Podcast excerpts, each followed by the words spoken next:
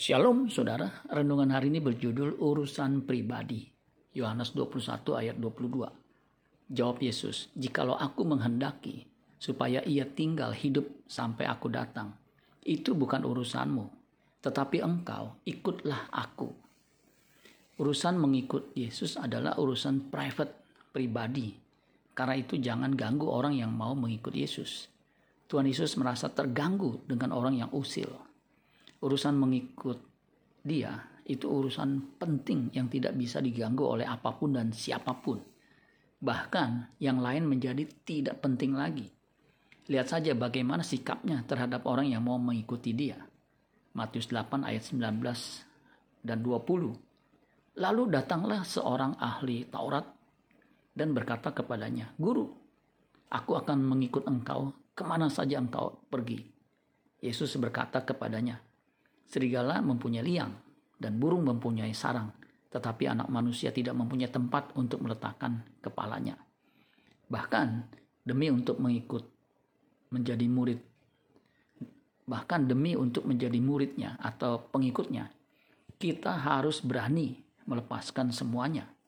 Lukas 14 ayat 33. Demikian pula lah tiap-tiap orang di antara kamu yang tidak melepaskan dirinya dari segala miliknya, tidak dapat menjadi muridku. Paulus teladan murid yang all out mengikut Yesus. Filipi 3 ayat 7 sampai 11. Tetapi apa yang dahulu merupakan keuntungan bagiku, sekarang kuanggap rugi karena Kristus. Malahan segala sesuatu kuanggap rugi karena pengenalan akan Kristus Yesus Tuhanku lebih mulia daripada semuanya. Oleh karena dialah aku telah melepaskan semuanya itu dan menganggapnya sampah, supaya aku memperoleh Kristus dan berada dalam Dia bukan dengan kebenaranku sendiri, karena mentaati hukum Taurat, melainkan dengan kebenaran karena kepercayaan kepada Kristus, yaitu kebenaran yang Allah anugerahkan berdasarkan kepercayaan.